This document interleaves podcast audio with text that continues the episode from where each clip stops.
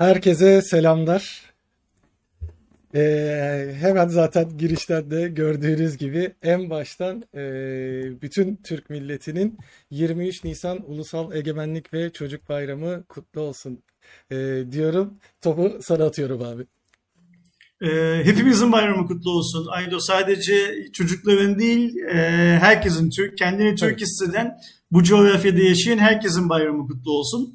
Bunlar çok çok önemli bayramlar biliyorsun. Yani e, 29 Ekim, 23 Nisan, 30 Ağustos e, bir bayram olmasa da bir anma günü olarak e, 10 Kasım hiç atlamamamız, atlamamamız gereken neden bu günlerin önemli olduğunu unutmamamız gereken günler Hı hı. ve her birinde de geriye dönüp niçin bugün bayram olmuştu ya da niçin bugünü anıyoruz diye düşünmemiz gereken günler. Kesinlikle. Ee, o yüzden e, herkesin 23 Nisan Ulusal Egemenlik ve Çocuk Bayramı kutlu olsun. Herkes Türkiye Cumhuriyeti'nin kuruluşu esnasında nelerin yaşandığını, nelerin olduğunu bir daha gözden geçirsin. Umalım ki 120 milyar dolarlardan çok daha fazla paralar e, Türk gençlerinin, Türk çocuklarının eğitimi ve geleceği için harcanacağı, harcanacağı bir Türkiye'de hep birlikte yaşıyor olalım. Kesinlikle. Zaten e, bütün chatte mutlu bayramlar demiş. E, iyi bayramlar olarak herkes e, birbirinin e, 23 Nisan'ını kutlamış. Nice Aynen öyle bayramlara. Aydoğan bak eksik yaptığımız bir şey var bana soracak olursan. Nasıl e, dinimize ait olan bayramlarda birbirimizi gördüğümüz zaman birbirimizin bayramını kutluyorsak bence e, 23 Nisan'da, 29 Ekim'de, 30 Ağustos'ta da birbirimizin bayramını kutlamamız lazım. Bence 10 Kasım'da da birbirimize başsağlığı dilememiz lazım. Çok doğru, çok doğru. Hani e, o alışkanlık özellikle işte büyüklerini arama e, muhabbeti dini bayramlarda e, alışkı, alışılagelmiş bir şey olsa da bu bayramlarda da tabii ki e, es geçmemek lazım.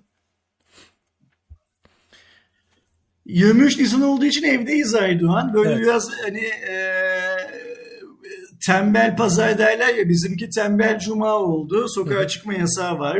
Arkadaşlarımız kusura bakmasınlar. Benim taraftan böyle bir biraz ses geliyor olabilir zaman zaman. Benim oturduğum apartmanda daha önceden planlanan bir çalışma varmış. Kapının önünde hilti çalışıyor şu anda. Hmm, adamlar da iftara yetiştirmeye çalışıyorlar. Kendileri de işlerini bitirip gidip gitsinler diye. O yüzden e, mazur görün, kusura bakmayın lütfen. Diyelim ve hızlıca e, konularımızda başlayalım. Ne dersin? Geçelim abi ama geçmeden e, işte yaklaşık birkaç saat önce e, yayınlanan Hı hı. videodan da gelenler varsa e, onları da e, söylemiş olayım. Bugün işte ben sabahtan gidip e, BİM'de satılan Pola Smart markalı şu e, bileklik saat ve e, ilk aldığımda yanlış aldığım bir diğer bileklik var. E, zaten hani bir ön incelemesi gibi bir şeyi e, videoda paylaştık. Orada da söylediğimiz gibi yayın sonunda ardı ardına 3 ayrı kişiye e, bunları hediye edeceğiz. Umarım e, yani en azından beklentim bu yönde. Yani katıl vesaire gibi en ufak bir şartımız olmayacak. Direkt yayın sonunda sırayla vereceğiz. Umarım en azından 20 hazır e, 23 Nisanken e, kullanıp e, işe yarayabilecek, sevilebilecek çocuklara da gitmiş olur diye e, umuyorum. Onu da baştan belirtelim. Yayın sonunda onları hemen Aydoğan, hızlıca kı- yapacağız. kı- kısa muz forma yakışmış demiş. Bilseydim sen Türk formasıyla, Türk milli takımının formasıyla yayına çıkacaksın. Ben de formamı giyerdim öyle söyleyeyim. Ben- bir o yüzden kıskandım seni ve fark eden arkadaşlara da teşekkür edelim. Ee, Aydo, Özgür de şey diyor, Aydo sen de farklı bir parlıyorsun bugün diyor. o biraz Ee, sakalı biz bu geyiği seninle hangi gün yaptık Aydoğan? Ee, Cuma, yok ne zaman kestim ben? Çarşamba akşamı günü canlı yayın öncesi yaptık değil Evet, mi? evet, evet, doğru. Çarşamba günü e, şey yapmıştım, kesmiştim. Özgür abi de şimdi görmüş. Ee, diğeri Biraz şey gibi olacak bu cuma raporu. Aydoğan Hoca ile iftara doğru gibi olacak. ben de şeyde paylaşmıştım öyle Twitter'da. Ersin Öyle mi? iftara doğru diye. Zaten tam hani e, bir, bir buçuk saat sürüyor bizim e, canlı yayınlarımız. Hadi bir de şeyle beraber, e, çekilişle beraber tam böyle iftar önü bitirmiş oluruz. En azından iftar Be- geçerken. be- benim daha yemeğim yok Aydoğan. İftara yemek hazırlayacağım. O yüzden çok uzatmıyorum. O zaman hızlıca e, geçelim. İlk haberimiz e, aslında Todex'te şey olsa da son e, teknoloji açısından e, dikkat çeken şeyler Apple'ın yaptığı lansmandı. Apple'ın yaptığı lansmanda en çok dikkat çeken iki ürün ise e, M1 chipsetiyle beraber gelen iPad Pro ailesi ve tamamen e, değişen ve yine e, M1 ile beraber yenilenen e, iMac'lerdi. iPad Pro'nun iki farklı yine e, çözünürlüğü var daha doğrusu boyutu var. E, 11 inç ve 12.9 inç olarak. Buradaki aralarındaki önemli fark da 12.9 inç olan da mini LED teknolojisi de e, kullanılan versiyonuyla beraber geliyor. E, dediğim gibi hepsinde M1 chipseti var ama farklı olarak bu sefer 2 terabayta kadar çıkan bir e, depolama alanı da mevcut bu modellerde. E, TL fiyatları da en ucuz e, 11 inçlik Wi-Fi modeli e, 8599 TL. En pahalı 12.9 inç Wi-Fi ve sim kart takılabilen e, cellular modeli de 25.699 TL fiyatla satışa çıktı. E, iMac kanadında da artık rengarenk ve çok daha ince iMac'ler görüyoruz. E, 24 inçlik 4.5K ekrana sahip bu modeller. Ee, ve 3 mikrofon, 6 hoparlör, Full HD FaceTime e, kamerası gibi e, avantajlarıyla beraber geliyor. Bir diğer yandan işte Apple Tech tanıtıldı. E, Apple TV'ye Dolby Vision ve HDR desteği de geldi diyerek özetlemiş olayım Apple'ın lansmanını. Fiyatları da söyleseydin Aydoğan bari. E, iMac'in fiyatları da 15'ten başlayıp e, 18'e kadar e, çıkıyordu. E, şeyi zaten söyledim. iPad'i ha şeyde Apple. Tech'te 300 TL olarak satılıyor. Dörtlü paketi 1000 lira. Apple Tech de Türkiye'de satılıyor değil mi? Evet evet. Tamam. Ben Apple Tech'in ne işe yarayacağını çok anlamadım. Ee, o yüzden arkadaşlarımız bunu benim yaşıma versinler. Artık hani demek ki bazı yeniliklere ayak uyduramayacak yaşa geldim demek ki. Ama Apple Tech'i ayrı tutarsak senle çarşamba akşamı yaptığımız e, canlı yayında da söylediğim gibi bence Apple çıkartıp masanın üstüne koyduğu ürünleri seçin içinden seçeceğinizi dedi ve e, tablet piyasasını tamamen bitirdi. Yani tamamen bitirdi dediğim rakipleri için tamamen bitirdi tablet piyasasını. Artık herhalde e, bugünden sonra hiçbir marka Apple'a rakip tablet çıkarmayı düşünmüyordur bence. Sence düşünüyor mudur? Var mıdır böyle aklı bir karış havada olanlar? Sanmıyorum hiç. Yani çok düşük ihtimal. Bir de ileride e, bu M1'i e, iPad 8, iPad Air yani iPad 9 ve Air 5 modellerine de entegre ederse bir de iPad mini 3 olacak galiba tekrar bir mini gelirse. Onlara da M1'i koyduğunda bu sefer hani diğerleri yapmasa da olur şeyine geliyor. Aynen öyle yani bence işte e, tablet sektörü bitti Apple'ın bu lansmanı ile birlikte. E, bugünden sonra hani e, sanmıyorum ki herhangi bir Windows ya da Android tabletli Apple'ın bu ortaya koyduğu cihazlarla başa çıkacak e, performans görmeyeceğiz. Yani fiyat performans anlamında bunların ötesine geçebilecek cihazlar görmeyeceğiz büyük bir ihtimalle. Hatta yine çarşamba akşam yaptığımız canlı yayında söylediğim gibi giriş seviyesi laptop olayını da bu tabletler bitirdi Aydoğan bence. Evet yani zaten e, birazdan ya sıradaki haberimizde işte Huawei'nin e, MateBook X Pro'su olacak kanalda da incelemesi var. Hani ben çok severek kullansam da yine o canlı yayında dediğim gibi e, burada da birazcık mesela yani tamam Intel 11. nesil çok güçlü işlemcisi var da hani işte 18.000 TL dolaylarındaki o ürünün zaten rakibi iMac gibi oluyor. Masaüstü bir bilgisayar gibi oluyor. Bir diğer yandan 10 bin lira daha az vererek e, performans bakımından seni hiç üzmeyecek ve birçok işlemini artık yapabileceğin bir e, tablet de ortaya çıkmış oldu. O yüzden büyük ihtimalle şu son dönemde artık e, yine o canlı yayında konuştuğumuz gibi e, işte iPad mi alayım, e, Samsung Galaxy Tab S7 ya da Huawei MateBook Pro mu alayım demek yerine şu bilgisayarı mı alayım yoksa iPad Pro'yu mu alayım diyenler çok olmaya başlayacak. Yani Apple tek lansmanla Aydoğan bütün Android e, ekosistemindeki tablet üreticilerini sildi attı bence. E, tek lansmanla Intel'e ve Microsoft'a da AMD'ye de giriş seviyesi laptoplarda laptop olmayan bir ürünle nasıl meydan okunulacağını gösterdi fiyat anlamında. Bunu global anlamdaki fiyatlara bakarak söylüyorum. Hı hı. Ee, yine aynı lansmanda bir de işte kuvvetlendirilmiş masaüstü bilgisayarlarını insanlara tanıttı. Öyle değil mi? Evet, evet. Yani iMac'lerde renkli şeyleriyle gerçekten bayağı sevildi de ve birçok işini yapabileceğin ürünler. Hani e, tabii ki RAM ve depolama seçeneğine göre değişiyor fiyatları. Ama baktığınızda e, artık yani Apple'daki neredeyse e, dikkat çeken ürünlerden hangi birini alırsanız alın aynı işlemleri yapabileceğiniz de Aynen anlamına öyle. geliyor. Yani masaüstü sevenler iMac alır, taşınabilirlik isteyenler MacBook ya da MacBook Pro alır. Ultra taşınabilir ve biraz daha hibrit bir cihaz isteyenler de iPad Pro'yu alır. Yine aynı işlemleri yapabilir kıvamına geliyor. Aynen öyle görünüyor. Aydoğan bu lansmanda değişik bir şey oldu. YouTube ilk kez yayın yapanların yayınlarını yayın sırasında kesti değil mi? Hı hı.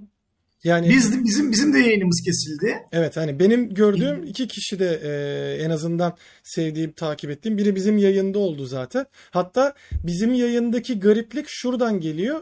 İlk uyarıyı verdi. Hani ben arkada televizyonda oynatıyordum. Hani sadece e, e, izleyenlerle bizim konuşmada senkron olsun, e, daha şey gitsin diye. Orada uyarı gelince ben komple kapattım. Artık hani uyarıyı engelleyebilecek bir şey olmamasına rağmen bir süre sonra canlı yayın yapmayı da komple engelledi. Ee, bir diğeri de işte iPhone'da o da olmuş. O da e, görüntüyü tam ekran verdiği için o sonra Twitch'ten devam etmiş. Ee, Apple dünyada da birçok yayını Tabii. durdurdu bildiğim Dünya genelinde şey yapanların birçoğunda oldu. Durdurmadığı yayınlar oldu mu Aydoğan? Yani hiç görüntüyü vermeyenler sunum yapmaya devam edebildi. Yani sunumu anlatanlar devam ettiler. Hı hı. Ama sunumun tamamını izlemek isteyenler sadece Apple'ın YouTube kanalına yönlendirildi. Aynen, aynen öyle. Okey. Buradan işte Apple hani çıkardı masaya koydu, e, iyi cihaz üretti, güzel fiyata sattı bilmem ne filan diyoruz ama ne kadar ahlaksız bir şirket olduğunu da aynı lansmanda yine tüm çıplaklığıyla, tüm çiğliğiyle bütün dünyaya kanıtladığını da söyleyeyim ben bu vesileyle. İşin o kısmı da net bir şekilde e, var. Hani zaten bizim o sırada yapılan lansman ya Apple lansmanı. Zaten onun ürünlerini o sırada değerlendirip e, anlatıyorsun. E, şey olduğunda da hani hiçbir e, gösterim yapmadan sadece oturup e, konuştuğunda da o kadar etkili olmuyor. İşte Samsung'da geçen en son yaptığımız galiba Sony'ydi. Sony lansmanında da TCL lansmanında da o sırada görüp aktarıyor olmak insanların en azından hem e, bir nebze çeviri hizmeti alması da oluyor. Sonuçta lansmanlar Türkçe yapılmıyor. E, bir diğer yandan da sevdikleri insanların yorumlarını dinliyorlardı. Onu da Apple'ın derdi herhangi bir anlamda hizmet vermek olmadığı için ikinci kez söyleyeyim bunu. Daha önce söylediğimde e, tepki almıştı bir daha söyleyeyim. İnsanlık tarihine hiçbir faydası olmayan bir şirketten bahsediyoruz. E, sadece kendi kazançları üzerine odaklanmış olan bir şirketten bahsediyoruz. O yüzden yok işte Zimbabwe'deki adam Zimbabweci dinliyormuş. Türkiye'deki adama Türkçe yorum veriyorlarmış falan. Böyle şeyleri hiç umursayan bir şirket değil tabii ki. Apple'ın tek derdi daha çok para kazanmak. Daha çok para kazandığı sürece de hani bu kendi kuyruğundan kendini yemeye başlayan yılan var ya Hı hı. e, mitolojideki. Onun gibi büyüye büyüye, kendini yiye yiye büyümeye devam edecek inşallah ve bir gün hayatımızdan tamamen çıkacak öyle umuyorum. Onu göreceğiz. Diyerek e, sıradaki haberimize geçiyorum. Zaten biraz önce de e, birazcık bahsettiğim gibi e, Huawei'nin D16'dan sonra MateBook X Pro modeli de e, Türkiye'de satışa çıktı. 3 farklı modelle geliyor. E, en uygun fiyatlı olanında hemen fiyatına da bakıyorum. 16 bin lirayla Core i5 e, 1135G7 işlemcisi 16 GB RAM 512 GB depolama alanı ile geliyor. E, 18 bin liraya e, bizim de test ettiğimiz işlemcisi olan i7 1165G7 16 GB RAM 512 GB depolama 19 bin liraya da direkt e, bizdeki olan model e, i7 yine 1165G7 işlemcisi 16 GB RAM ve 1 TB depolama alanı var.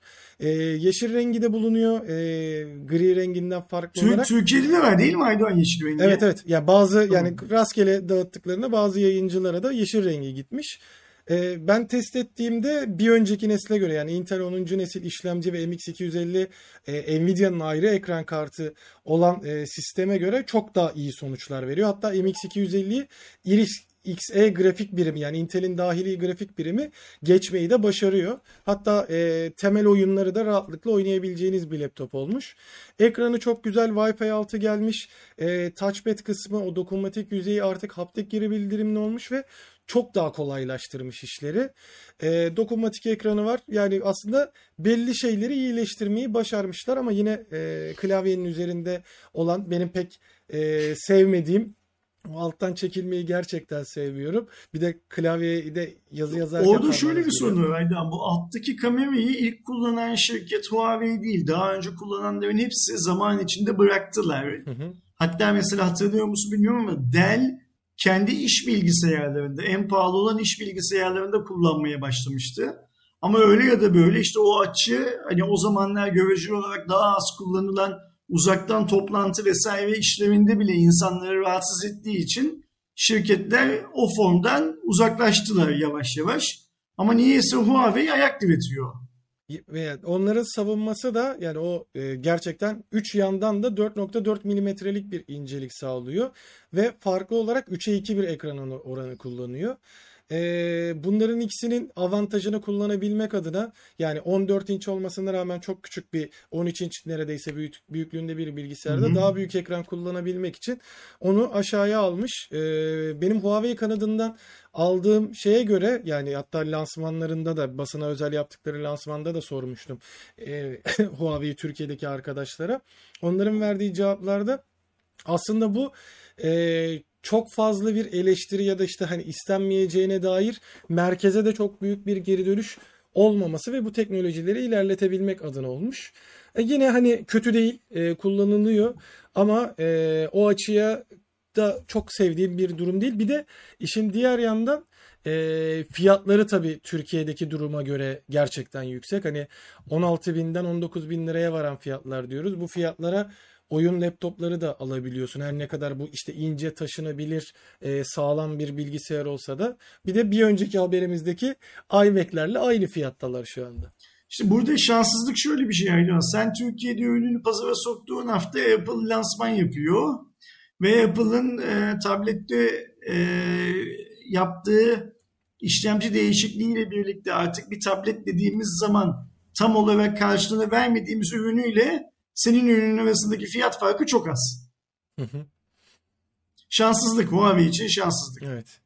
Yani şeyi bir düşünmeye başladım mesela hani e, işte 16 bin liradan başladığını düşünürsek en ucuz versiyonunu düşündüğümüzde 16 bin liraya e, onu almaktansa daha büyük depolamalı işte hem de 12.3 inçlik bir e, iPad Pro'yu almak belki de e, birçok işlem konusunda e, benzer olayları sana yaşatabilir. Çünkü e, her ne kadar iyi olursa olsun yani açık bir şekilde macOS'in ya da iPadOS'in e, Windows'a göre üstünlüğü de var. En azından programlar Windows'ta olduğundan çok daha stabil çalışıyor. E, biz e, örneğin kendi açımızdan düşünürsek işte Premiere Pro kullanıyoruz ofiste. Çoğu zaman farklı farklı bilgisayarların ki çok güçlü bilgisayarlar olmasına rağmen çöktüğünü, Windows'tan kaynaklı bir sıkıntı olduğunu vesaire çok yaşıyoruz.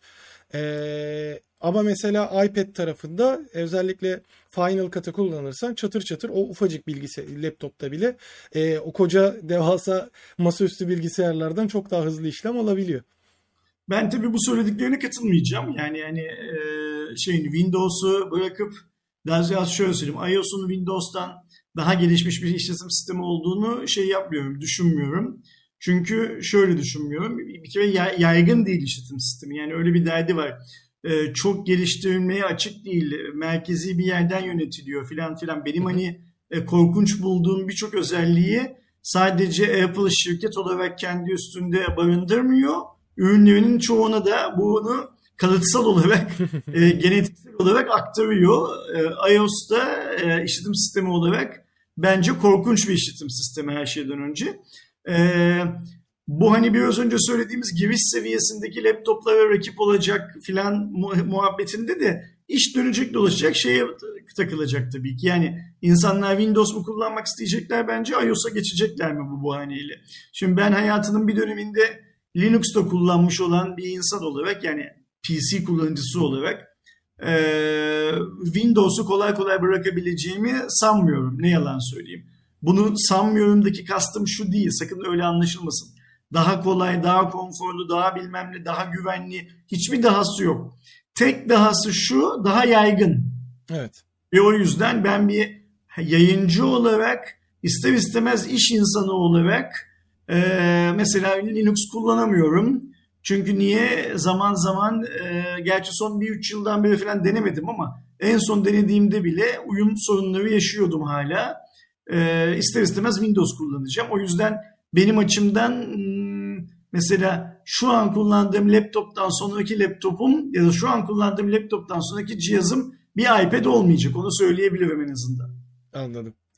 Yani e, burada tabii farklı farklı şeyler de var. Mesela chat'i de okuyorum. Bazıları e, katılan da oluyor. Yo bence çok daha e, kullanışlı vesaire diyen de oluyor. Oradaki hem e, alışkanlıklar hem de evet hani rahat kullanımda mesela benim de e, bundan yaklaşık bir 4 sene öncesinde e, bir 4-5 ay boyunca e, macOS kullandığım olmuştu. Evet o stabilite ya da bir şey yapmak istediğindeki e, rahatlığı ayrı ama e, evet yine bu Android iOS farkında olduğu gibi işin birazcık daha özgürlük kısmında Windows biraz daha iyi. Linux inanılmaz güzel bir keyif sunan bir şeydi ama o zaman işte uygulamayı kurması dertti. Birçok uygulama tabii ki Linux'ta olmuyordu. Son dönemde o oran tahminimce e, bayağı arttı. Mesela ben de denemek isterim aslında. Bayağıdır Linux kullanmıyordum. Hem neler değişmiş vesaire. E, neler güncellenmiş. Görmek adına e, deyip Şeyi de söyleyeyim bu arada böyle şey yapılan büyük bir ihtimalle şu an chatte olan arkadaşların ve e, herhangi bir iOS ya da e, daha doğrusu e, Apple cihaz kullanan arkadaşların bugüne kadar kullandıkları toplam saatten daha uzun süre macOS kullanmış bir insanım arkadaşlar. Onu söyleyeyim size. E, yani e, dergiyi kapattığımız güne kadar 1992'den başlayarak kesintisiz olarak her ay en az bir hafta günde en az 3 saat, 3,5 saat filan e, Mac karşısında zaman geçirmiş bir insanla konuştuğunuzu unutmayın lütfen. Sevmiyorum, sevmeyeceğim ve daha kullanışlı, daha ekonomik, daha bilmem ne demedim farkındaysanız. Daha yaygın, işlerimi yapmamı daha kolaylaştırıyor dedim sadece. Hadi haydi geçelim bir sonraki habere. Sıradaki haberimiz de bu sene zaten daha doğrusu bu haftayı en çok sallayan haberdi e, TODEX olayı. Şimdi şöyle bir şey var Erdoğan. Geçen haftadan başlandı bunun konuşulması aslında. Ve şu an Türkiye'de bir başka borsa için de benzer şeyler konuşuluyor. Ama Türkiye'deki kripto para haberleri şöyle oldu. Bak dikkat et. Geçen hafta ilk önce Merkez Bankası'nın aldığı kararı konuştuk. Sonra TODEX değil bir başka borsanın zora düştüğü, paraları para çekme konusunda insanlara sorun yaşattığı haberi Cuma günü sosyal medyaya yansımaya başladı. Ee, hala da öyle. Bir başka borsa daha şu anda ödemeleri yapmıyor ya da yapamıyor. Bilmiyoruz ne olduğunu. Hafta sonu e, son zamanların en büyük düşüşü yaşandı. Bu hafta TODEX de geçti ve dünden bugüne bağlandığımız gece yine muazzam bir düşüş var. Yani son 15 günden beri falan Türkiye'deki kripto para yatırımıyla uğraşan insanların tek gündemi bu oldu. Bugün de o kadar fazla insanı etkiledi ki mesela bu sabah uyandığım zaman ben e, bir vatandaşımızın e, kayıpları yüzünden intihar ettiğini haberini okudum. Ha, Doğru olup olmadığına bakamadım. Ama görünen o ki e, hani bu altına koşma go, e, hikayesi gibi e, çok fazla can yanacak Türkiye'de öyle görünüyor. TODEX de bunlardan ne yazık ki sadece bir tanesi olarak karşımıza çıkıyor şu anda. Evet. Yani şu anda zaten hani e, bilmeyenler için TODEX olayını özetlemek gerekirse e, TODEX bir anda bir işte yatırımcılardan aldığı e, güncellemeler vesaire nedeniyle 3-4 iş günü boyunca e, şeye kapatı ya borsayı kapatacağını e, duyurmuştu. Daha sonrasında fark edildi ki e, TODEX'in kurucusu olan Faruk Fatih Özer Özer e, daha doğru söylemiş olayım yurt dışına e, çıkmış. Hatta Perşembe akşamı saat 17 gibi yanlış bilmiyorsam.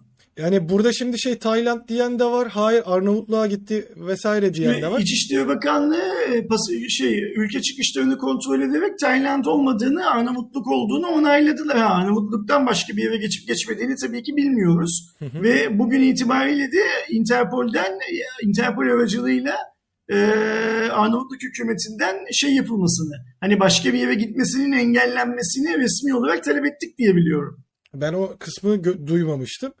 Ee, söylenen o ki işte hani e, bir e, çiftlik bank olayı gibi. Şu anda işte bütün borsa kapatılıp aslında adamın kaçtığı e, söyleniyor. Hatta e, bugün okuduğum bir haberde de tabii ki e, şu anda soruşturulma başlatıldığı için genel merkeze de e, polis ekipleri gitmiş ve kimsenin olmadığını, orada kalan dosyaların da inceleme için toplandığı e, söyleniyor. E, söylenen miktar 2 milyar dolarla beraber kaçtı ama sonradan zaten kendisinden de bir e, şey paylaşım geldi sosyal medyada. Oradaki değerin aslında toplam hacim olduğu o kadar e, fazla Yok, paranın da 2, 2 milyar dolar mümkün değil Aydoğan. Yani, Yani. sonuçta şimdi şöyle bir şey var. Ee, konvansiyonel medya bu konuda sınıfta kaldı. Zaten bu kripto para hikayelerinin nasıl olduğunu kafaları basmıyordu. Ee, onlar 2 milyar dolar diye bir şey attılar. İşte toplam volüme bakarak bunu söylediler ama 2 milyar dolar olması mümkün değil. Yani e, çünkü bilmeyen arkadaşlarımız vardır izleyenler arasında. Kripto para borsalarının gün sonu raporları hani bakkalların, yemişçilerin, kasapların aldığı Z raporu gibi herkese açık bir şekilde tüm dünyada sadece Türkiye değil herkese açık bir şekilde yayınlanıyor zaten. Bu yayınlanmak zorunda zaten. Yani hani bu merkeziyetsiz finans dediğimiz olayın e, blok teknoloji dediğimiz dediğimiz olayın e, ayrılmaz parçalarından bir tanesi bu şey olarak. E, burada önemli olan şey kaç milyar dolar olduğu değil Aydoğan.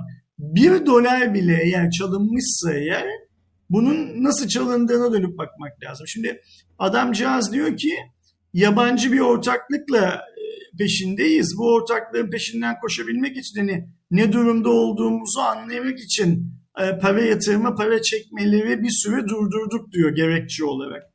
Şimdi bu makul ve mantıklı bir açıklamaya benziyor ancak şöyle bir şey var. Dönüp bugüne kadar dünyada hiç el değiştiren borsa olmadı mı? O borsalarda bu tarz uygulamalar yapıldı mı yapılmadı mı ona bakmak lazım. Ben hatırlamıyorum. Hı hı. Ayrıca kripto para dünyasıyla haşır neşir olan arkadaşlarımızın yakından bildiği eee, bir şey var. Kripto para dünyasında snapshot diye bir şey var Aydoğan. Anlık verilerin bir ekran görüntüsünü almak. Yani sen bazen bir halka arıza katıldığın zaman senin cüzdanının anlık görüntüsünü alıp e, yeterliliklere sahip olup olmadığını belirleyebiliyor teknolojiler. O yüzden yani hani bu böyle çok mantıklı bir açıklama gibi gelmiyor her şeyden önce. İkincisi dün akşam yine e, Todex'in kendi sosyal medya hesaplarından yaptığı bir açıklama var biliyorsun. İşte satış görüşmeleri için yurt dışına çıktım bilmem ne filan gibi. Ben bu görüşme e, demecin e, sağlıklı bir iletişim yöntemi olduğunu düşünüyorum ama geç kaldın bunu açıklamak için. Yani haftalardır insanlar paralarını çekemiyorlarsa sen de bir anda yurt dışına gittiysen ne zaman döneceğini söylemen lazım ilk önce. Yani e, Todex'in ve sosyal medya hesaplarından patronun dönüş uçak biletini şey yapsınlar, paylaşsınlar. Millet ancak o zaman rahatlar. Başka bir zamana kadar rahatlamaz. Burada e, yasal olarak bir sorun olmasa bile e, ahlaki anlamda bazı sorunlar var. Yani şu an mağdur olduğunu düşünen insanlar var. Bak bu insanların mağdur olup olmaması önemli değil Aydoğan. Mağdur olduklarını düşünmeleri bile yeterli. Çünkü finans piyasaları aynı zamanda duygusal piyasalarda. Yani insanlar sana bir şey emanet ediyorlar. Sonra şunu görüyoruz. Mesela bir hafta önce bir karar alan Merkez Bankası aslında havanda su dönmüş. Hiçbir şey yapmamış. Yani bu e, borsaların açılışı konusunda bugüne kadar kılını kıpırdatmamış hü- hükümetimiz mesela. Önüne gelen borsa açabilmiş. E, bu borsaların hangisinin Amerika'daki e, regülatör şirketlerden anlaşması izni olup olmadığını bile kontrol etmemişiz Türkiye'de. Yani hükümet etmemiş, o borsalara para yatıran senin benim gibi insanlar etmemiş. Biraz önce Levent kazanın doğurduğuna inananlar ka- kazanın öldüğüne inanmıyor şimdi diye yazmış çete. Gözümden kaçmadı. Aynen o durumdayız. Yani parayı yatıran hiçbir şey araştırmamış. Devlet hiçbir konuda e, kurallar alıp bu kuralları şey yapmamış, uygulamamış. Şimdi işte çocukcağızın teki e, herhalde Tosun'la kıyaslanmasının nedeni genç olmasıdır diye tahmin ediyorum. E, çocukcağızın teki ortadan kaybolunca kimse ne olduğunu bilmiyor. Bence bu işin altında bir sorun var mı yok mu anlamak çok kolay Aydan. Şöyle çok kolay. Bak şimdi ben bu adamların ofislerine gittim. Geçmişte bizi çağırdılar. Ee, Göztepe Köprüsü'nün oradaki yeni iş merkezlerinden bir tanesi. Adı da Todex değilken bu borsanın. Ee, biz oraya Yıldı veya abinle birlikte gittik. Şimdi o ofisin kirası ödeniyor mu ödenmiyor mu? Yani ee, bu bile bu adamın kaçıp kaçmadığını anlamaya yeter. O şirketin çalıştığı bir bulut şirketinin olması lazım. O bulut şirketiyle sözleşmesi sonlandırılmış mı sonlandırılmamış mı? Keza o şirketin yani o şirket dediğim e, Todex'in güvenlik hizmeti aldığı, siber güvenlik hizmeti aldığı bir şirket olması lazım. O şirketteki hizmet paketi kaç gün daha açık vesaire vesaire. Yani sen diyorsun ya şirket merkezi basılmış. Eyvallah o şirkette kimlerin çalıştığını LinkedIn'de bile küçük bir araştırma yaparak bulabiliyorsun. Herhangi bir emniyet müdürü, herhangi bir savcının talimatıyla o şirkette çalışanları bu geride bıraktığımız bu bir günlük olay değil 15 günlük olay arayıp ya kardeşim sen o şirkette çalışıyor musun? Maaşlarınızı alabildiniz mi? İşten çıkartmaları oldu mu? Bilmem ne filan diye sormadıysa ya bugüne kadar. Daha yeni ee, adam kaçmış kaçmamış filan. Bunlar çok önemli bir hal almıyor o zaman. Adam kaçarken 200 milyar doları yanında götürdüyse de o da önemsiz kalıyor. Çünkü herkes kaçabilir Erdoğan o zaman. Senle ben de kaçabiliriz. Aynen öyle. Sen ben kaçarsak parasız kaçırız. Herif parayla kaçmış görünüyor. İş bu kadar basit. E, bir de zaten şimdi Chat'in de yazdığı şey e, eğer sayı olarak bilmiyordum e, kim yazmıştı gözümden de kaçtı kusura bakmasın. Türkiye'de şu anda 33 tane borsa varsa gerçekten demek ki kripto para borsası biraz bir yatırımın varsa açabileceğim bir hizmet Türkiye'de. Hani Ayrıca bak şöyle bir şey var. Çok güzel bir bilgi bu. 33 tane kripto para borsasının en az 20 tanesinin e, gerekli teknik donanıma sahip olmadığını kripto borsalarında çalışan arkadaşlarımız söylüyor zaten. Yani bu şey gibi Aydoğan. Hatırlar mısın? E-ticaret ilk çıktığı zaman paket yazılımlar vardı. Hı hı. Alıyordun bir tane MySQL sunucuya kuruyordun ve anında ürün satmaya başlıyordun. Evet. Artık böyle satılan e, kripto para borsası yazılımları var.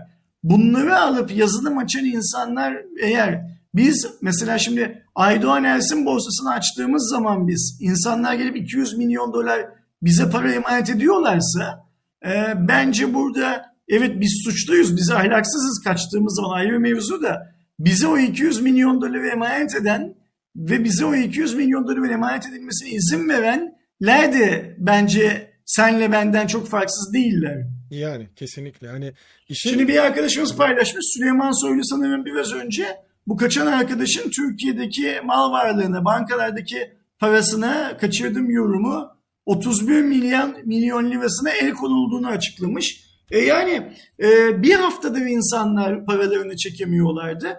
Öyle bir e, kontrol mekanizması kurmak lazım ki Aydoğan. Yani biz kripto paraların alışverişte kullanılmasını yasaklıyoruz diyerek bu işin içinden çıkılamaz. Evet. E, kimin kripto para borsası? Bugün mesela senle ben bir yere gelip Aydoğan Bank diye banka kurabiliyor muyuz Aydoğan? Hayır. Ya da Aydoğan borsası diye borsa kurup orada işte getirin bizi işçi evlerinizi, erdemirlerinizi bilmem nelerinizi filan verin e, hisse senedi alıp satın diyebiliyor muyuz? Diyemiyoruz. O zaman e, kripto para borsası işi de bu kadar şey olmamalı. Bunun içinde belli bir sermaye olması lazım. Şimdi tartışılan ve benim söylemek istediğim konulardan bir tanesi de şu onu da söyleyeyim. Sonra topu sana bırakacağım.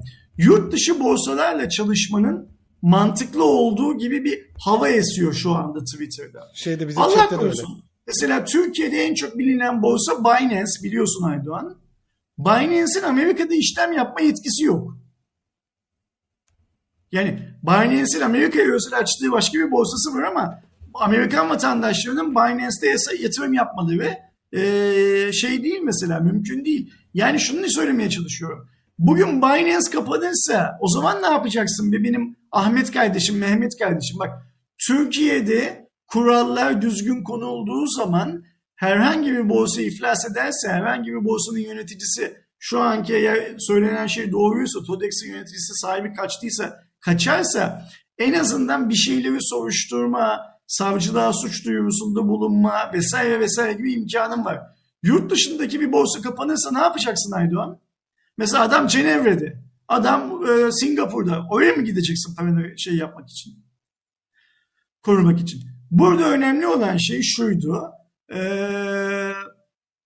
teker patlamadan önce Merkez Bankası başta olmak üzere kamu kurumlarımızın önlem alması gerekiyordu konuyla ilgili.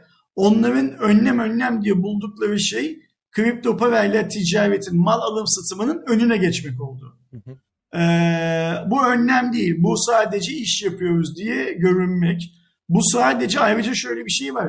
Son bir haftadır konuşuluyor ki başka başka kurumlar bu işi yapabilsinler diye mi acaba böyle bir karar aldı Merkez Bankası filan.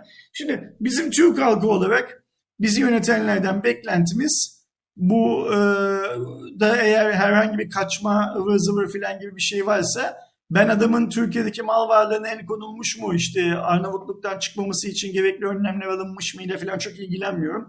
Oraya parasını yatıran adamlar nasıl paralarını geriye alacaklar onunla ilgileniyorum.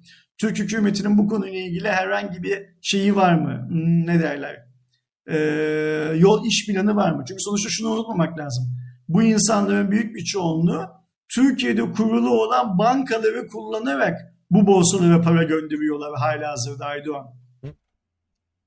Yani ben Türkiye'de Türkiye Cumhuriyeti'nin resmi olarak tanıdığı TL'lerimi vergisi ödendikten sonra vesaire vesaire biriktirdiğim yatırıma ayırdığım TL'lerimi Türkiye Cumhuriyeti'nin yetkili kıldığı bankalar aracılığıyla e, masan filan kontrolünde bu borsalara gönderiyorum.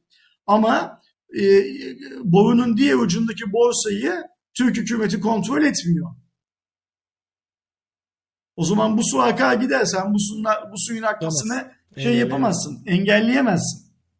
Kesinlikle. Tıpa lazım bize, tıpa. O tıpa ne? Regülasyon. O regülasyon da şey değil, e, kripto parayla alışveriş yapılmasın demek değil. Daha geniş düşünülmüş regülasyonlara ihtiyacımız var. Çok doğru. Zaten hani şimdi de şey algısı başladı. Ee, Codex'ten kaynaklı e, komple kripto para sisteminin aslında bir e, işte çiftlik bank gibi o sistemin e, olduğu algısı da e, olmaya Ben başladı. bu algının bilinçli olarak yaratılmaya çalışıldığını düşünüyorum Aydoğan. Oradan biraz uzak durulsun diye mi? Kim yaratmaya çalışıyor, hedefine filan hiç bilmiyorum ama bu algının e, bilinçli olarak yaratılmaya çalışıldığını düşünüyorum. İhtimali yüksek. E, çünkü çok fazla şimdi orada kontrolsüz para dönmeye başlıyor. Ee... Hatırlıyor musun? Geçen haftaki Cuma raporunda finans sisteminden bahsettik. Hani öpmeyi sever dedik finans sistemi. Acaba Türkiye'deki finans sistemi şu kripto para borsaları bir yıkılsınlar sistem, kripto para borsası sistemi tekrar baştan kurulsun mu istiyor Aydoğan? Yani ya da başka birileri finans sistemi olması bile. Yani e, orada dönen parayı ne kadar büyük paralar döndüğünü falan fark ettiler.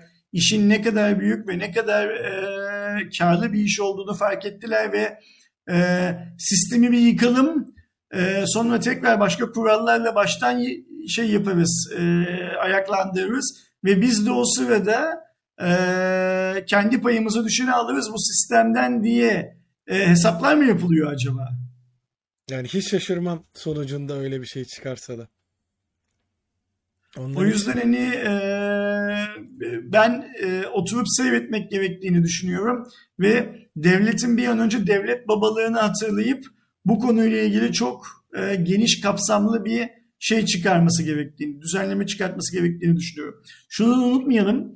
CME'ydi galiba Amerika'daki yetkili şeyin adı ya da CM miydi? Unut yok CME olması lazım.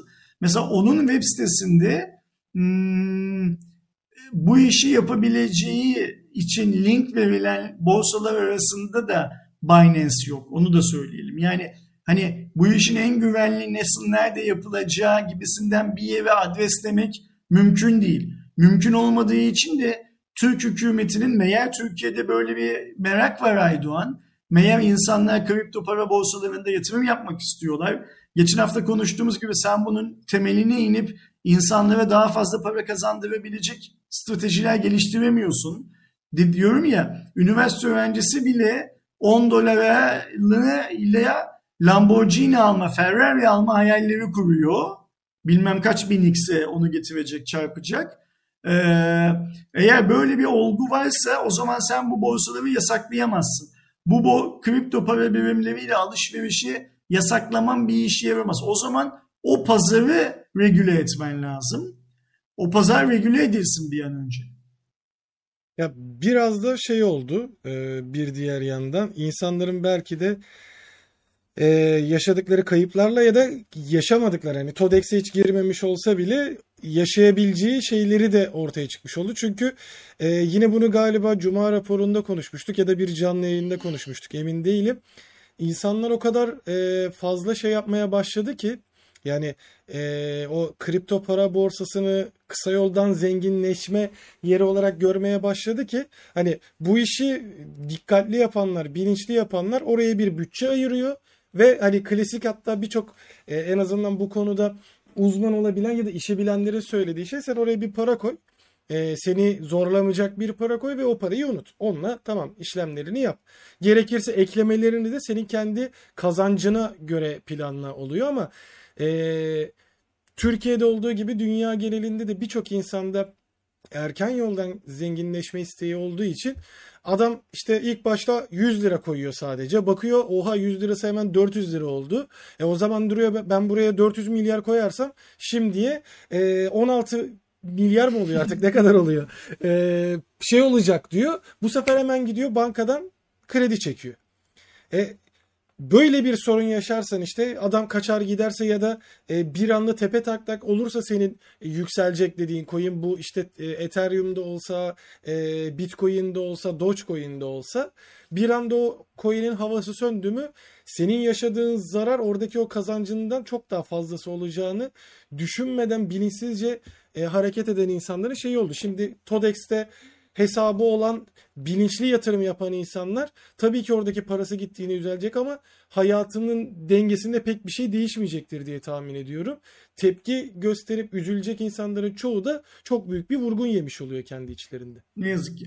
Ee, Bitcoin ya da Bitcoin demeyelim kripto para ponzi değildir. Hı hı. Kri, kri, kripto para yatırımdır. Bunu unutmayın. Kripto paraya ponzi diyen ya da kripto paranın yatırım olmadığını söyleyen insanlarla ilişkinizi kesin bence. Muhatap bile olmayın. Kripto paralar geleceğin para birimleridir ve temelleri bugünden atılmaya başlanmıştır. Yerleşik düzendeki finans sistemleri ve dünyanın üzerindeki tüm hükümetler doğal olarak kripto para denilen şeyden rahatsızlık duyacaklardır. Çünkü kripto para finans sisteminin de e, hükümetlerin de hükümetlerin ekonomi sistemlerinin de temellerine konulmuş dinamitler gibidir. Patladığı anda geriye ne finans sistemi ne o hükümetlerin merkez bankaları kalacak büyük bir ihtimalle. Bunu çok çok iyi anlamak lazım. İnternet için de hatırlarsan Aydoğan, internet yaygınlaşmaya başladığı zaman chat için, IRC'ler için neler neler dönüyor muhabbetleri yapılıyordu o zamanki konvansiyonel medyada. Ee, internet günümüz insanını ve günümüzdeki her şeyin daha demokratikleşmesini sağlayan bir bilgi platformu olarak hayatımıza girdi. Ee, şeyden de kripto paralardan da geriye dönüş diye bir şey yok artık. Bu böyle bilinmesi lazım. Kesinlikle. Burada önemli olan şey ilk önce ülkeler bazında kuralların konulmasıdır. Mesela Amerika Birleşik Devletleri kısmen kuralları koymuştur. O kuralları koyduğu için bizim Binance dediğimiz o çok övdüğümüz, gözümüzün içine çok sokulan borsa Amerika'da işlem yapamamaktadır. Her ülke kendi kurallarını koymak zorundadır. Sonra bu kurallardan bir tümevarım yöntemiyle gidip aynen finans sisteminde olduğu bir global bir kurallar zinciri mutlaka çıkartılacaktır. Ee, Türkiye'de yaşadığımız TODEX inşallah son olur. Bundan sonra bir daha herhangi bir borsadan para çekememe filan gibi e, sorunlarla karşılaşmaz, karşılaşmaz Türk halkı ve e, İçişleri Bakanlığı bir an önce inşallah e, şu adamın yurt dışına çıkıp çıkmadığını ben çok umursamıyorum. Çıkarken yanında para götürüp götürmediği konusuna açıklık getiriyor. Götürdüğüsü o paranın nasıl Türkiye'ye getirip getirilip asıl sahiplerine dağıtılacağı konusunda da tüm vatandaşlara bilgi verir diyelim. Bu konuyu kapatalım. Aydoğan sana bir şey soracağım. Bir sonraki Samsung haberimize geçmeden önce. Tabii. Ee, Instagram'da yaptığımız e, bilgi verme lütfen. Philips kulaklık çekilişinin ne zaman yapılacağı Instagram'daki paylaşımda yazıyor muydu? E, gün olarak yazıyordu. Saat olarak yazmamıştım. Bugün. Okey tamam. O gün yapılacak değil mi çekiliş? Evet. Okey tamam. O zaman arkadaşlar chatte hiç boşu boşuna Philips çekilişi falan diye sormayın. Instagram'daki paylaşımda yazıyormuş. Gidip oradan bakın. Hadi Aydoğan gel geçelim bugün Samsung olarak. S20 haberine. Ee, bizim de zaten hem şey olarak soranlar çok fazla soran da çıkıyordu S20F'yi. Bir diğer yandan biz de e, Exynos'lu versiyonunun yani Türkiye'de satılan versiyonun e, stabil olmadığını hani tabii ki tasarımla kamerasıyla ekranıyla güzel olsa da biz işlemcisinde yaptığımız testlerde de PUBG oynarken kasıp donduğunu e, o kadar yüksek bir işlemcide olsa bile malzeme kalitesinin de farkın olduğu için normal S20'den kötü bir performans e, sağladığını söylemiştik. Görünen o ki e, ya elindeki Exynos bitmesinden belki hani tekrar e, Exynos üretimi yapmak istemiyordur ya da bunun da kendi farkına varan Samsung bundan sonraki süreçte S20F üretimlerini sadece Snapdragon 865 ile e, yapacağını duyurdu. Normalde şöyleydi. 5G versiyonu Snapdragon 865, 4G versiyonu Exynos'tu ve Türkiye pazarı gibi e, daha 4G bandında olan ülkelere de Exynos'lular gelmişti. Bundan sonraki süreçte üzerindeki X50 Exynos'lu alanlar kazıklandı Aydoğan. Ben onu anlıyorum. X50 modemi olmadan yine 4G versiyonları da Snapdragon 865 ile beraber e, satılıyor. Ama şu anda bilmediğimiz en önemli şey Türkiye'ye gelecek mi? E, bundan sonraki süreçte yani en azından şu anda Samsung Türkiye'nin elinde olan S20 Fan Edition stoğu bittiğinde tekrar sipariş verecek mi ve verecekse Snapdragon'lu mu gelecek onu bilmiyoruz şu an için. Ben söyleyeceğimi söyledim. Şey, F'yi, Snapdragon'sız F'ye alanlar kazıklandılar. Bu, bunu öyle anlamak lazım. Aslında yani sonuçta böyle bir karar aldığına göre bu sorunun kendisinde de olduğunu biliyordu ve bu yüzden değiştirdi. Aynen öyle. Yani o şimdi e, büyük bir ihtimalle önümüzdeki dönemde başka mahkemelerle şununla bununla falan uğraşmamak için ürünü end of life yaptı. Yani yaşama süresini sonlandırdı. E, onun yerine de bir iki parti daha Snapdragon'la ürün sunup ondan sonra ürünü tamamen yani 5G'lisini bilmem ne filan da sonlandıracak ve diyecek ya biz zaten S21'e geçtik diyecek. Bu zaman diliminde de Snapdragon'lı olmayan e, S20 SLV alanların hepsi bence kazıklandıklarını kabul etmek zorunda kalacaklar. Evet yani direkt olarak baktığımızda zaten şeyi hiçbir zaman e, anlam verilmiyordu. Hala da e, Amerikalı, Avrupalı fark etmeksizin tepki gösterilen durum bir ürünün iki farklı versiyonunun aynı fiyata satılıp e, birinin daha. Yani şey de şöyle de bir durum var. Exynos'un Snapdragon'dan iyi olduğu bir telefonda da aynı durum geçerli olacak. Hani Türkiye'ye Exynos'lu geldiğinde biz yine tabii diyeceğiz ki en azından iyi olan satılıyor da o zaman Amerika'da yaşayanlar e, kazıklanmış oluyor. Her türlü bir yerde bir sıkıntı ortaya çıkıyordu. Eee Bakalım belki de bundan sonraki süreçte hep tek versiyon çıkartmaya e, döner Samsung. Hani Exynos kullanmak istiyorsa tabii ki kullanabilir. Kendi işlemcisi zaten AMD ile ortaklığı var. E, onunla beraber yapabilir ama bu aynı modelde aynı fiyatla e, aynı özellikleri verirken birinin daha iyi olma mantığının e, saçma tarafını bir kez daha görmüş. Bugüne kadar hiç duymadığım bir şey söyledin Aydoğan. Çok mantıklı, çok güzel bir şey söyledin. İnsanlar hep şunu söylüyorlardı değil mi? Niye Exynos'lu çıkartıyor? Hep Snapdragon'lı çıkartsın diyorlardı. Hı hı. Sen de şimdi diyorsun ki Snapdragon'lı çıkartmasın o zaman hepsini Exynos'lu da çıkartabilir. Yani yeter ki bir standart olsun diyorsun. Kesinlikle. O zaman deriz ki S21 mesela S22'de Aynen bunu öyle. yaptı. S22 ile e, örnek veriyorum P50 Pro'yu kıyasladığımızda deriz ki ya evet Exynos e, şey Kirin Exynos'tan daha iyi performans gösteriyor ya da Snapdragon 888 Exynos 2100'den daha iyiymiş deriz. Bunun farkını da söylemiş oluruz. Çok haklısın. Böylece hiçbir ülkede de performansı yüksek olanlar e, test örneği olarak basına dağıtılıp insanlar yanlış yönlendirilip sonra Ticaret Bakanlığı'na şikayet gitmesin diye o cihazlar basından toplanılıp üstü kapatılmaya çalışılmaz en azından. Aynen öyle. Yani öyle de bir şeye gerek kalmaz. E, bir diğer Aha, tekrar Huawei ile alakalı. ya aha böyle daha geçiyoruz arkadaşlar.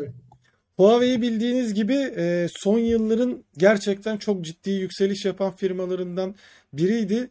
En başta e, Amerika ile yaşadıkları daha doğrusu Çin'in Amerika ile yaşadığı sorun nedeniyle yaşadığı ambargo bir de e, Covid-19 bir diğer yandan çip krizi vesaire derken Strateji Analytics'in paylaştığı Q1 yani ilk çeyrek raporuna göre ilk 5'ten düştü Huawei kanadı.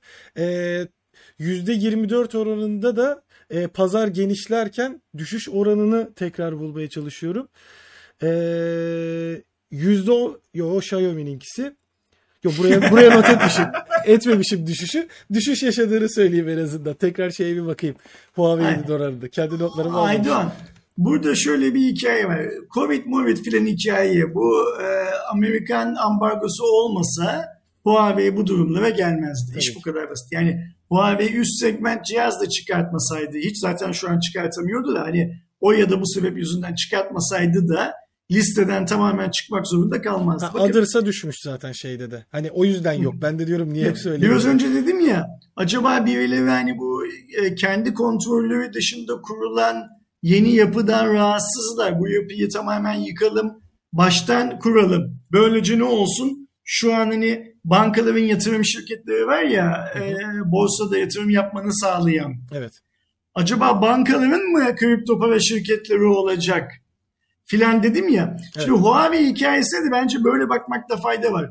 Amerikan e, ambargosu Huawei'ye ne zaman geldi Aydoğan?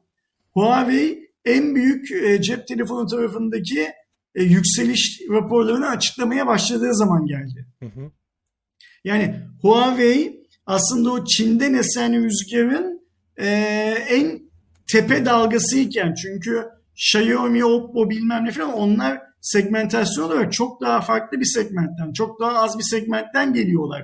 Hani o surf yapan e, rüzgarla alakalı sporları yapanların esas yakalamaya çalıştıkları yoğun dalga Huawei'di Çin'den esen ve Amerika onu kırdı. Kırdıktan sonra da artık Huawei'nin zaten Al işte görüyoruz yeni cihaz çıkartamıyor.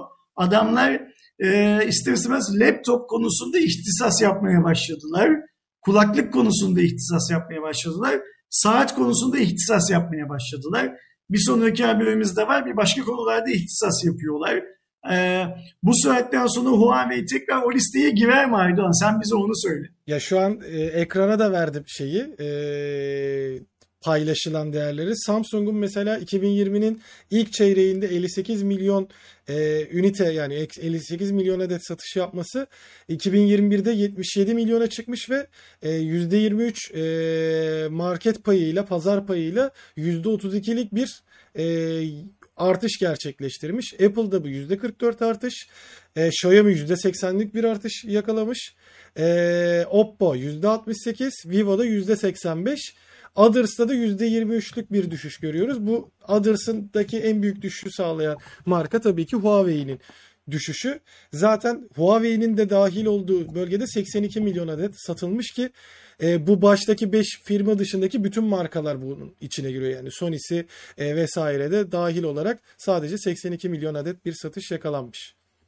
Bir arkadaşımız Huawei Google servisleri yüzünden çöktü demişti. Huawei'yi esas çökerten Google servisleri falan değildi. İşlemci yasağı arkadaşlar.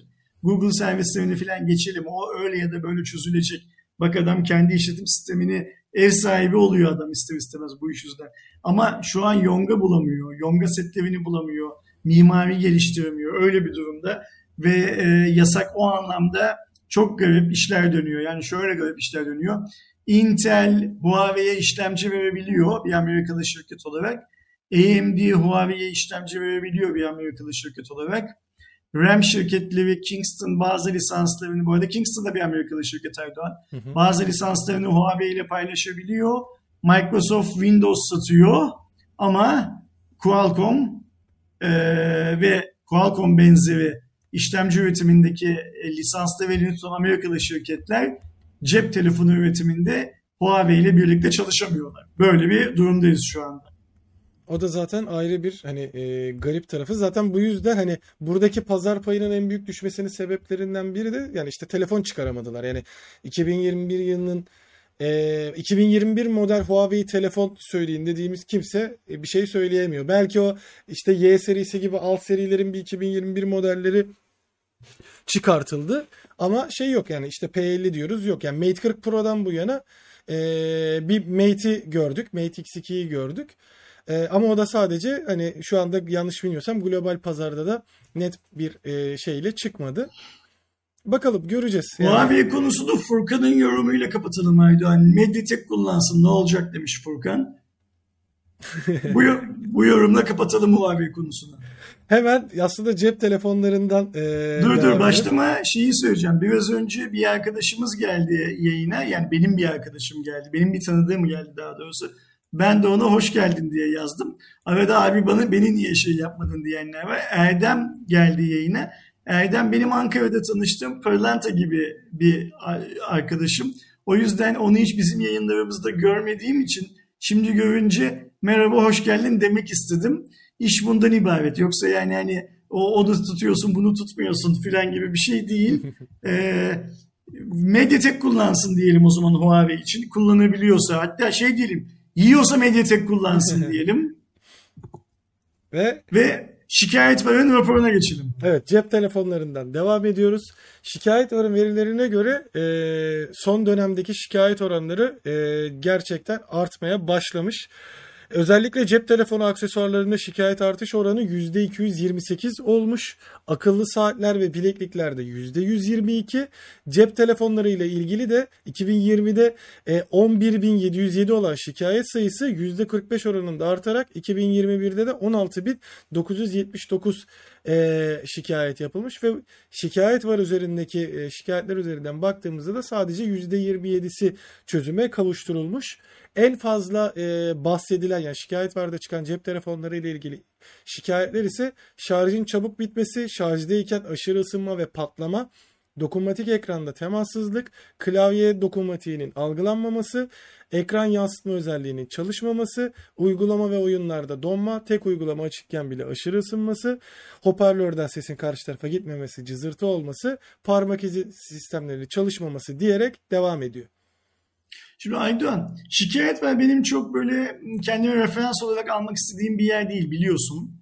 Bunun nedeninin de şikayet varın çalışma sistemiyle ilgili olduğunu bizi yakından takip eden arkadaşlarımız biliyor. Şimdi o konuya çok girmeyeceğim.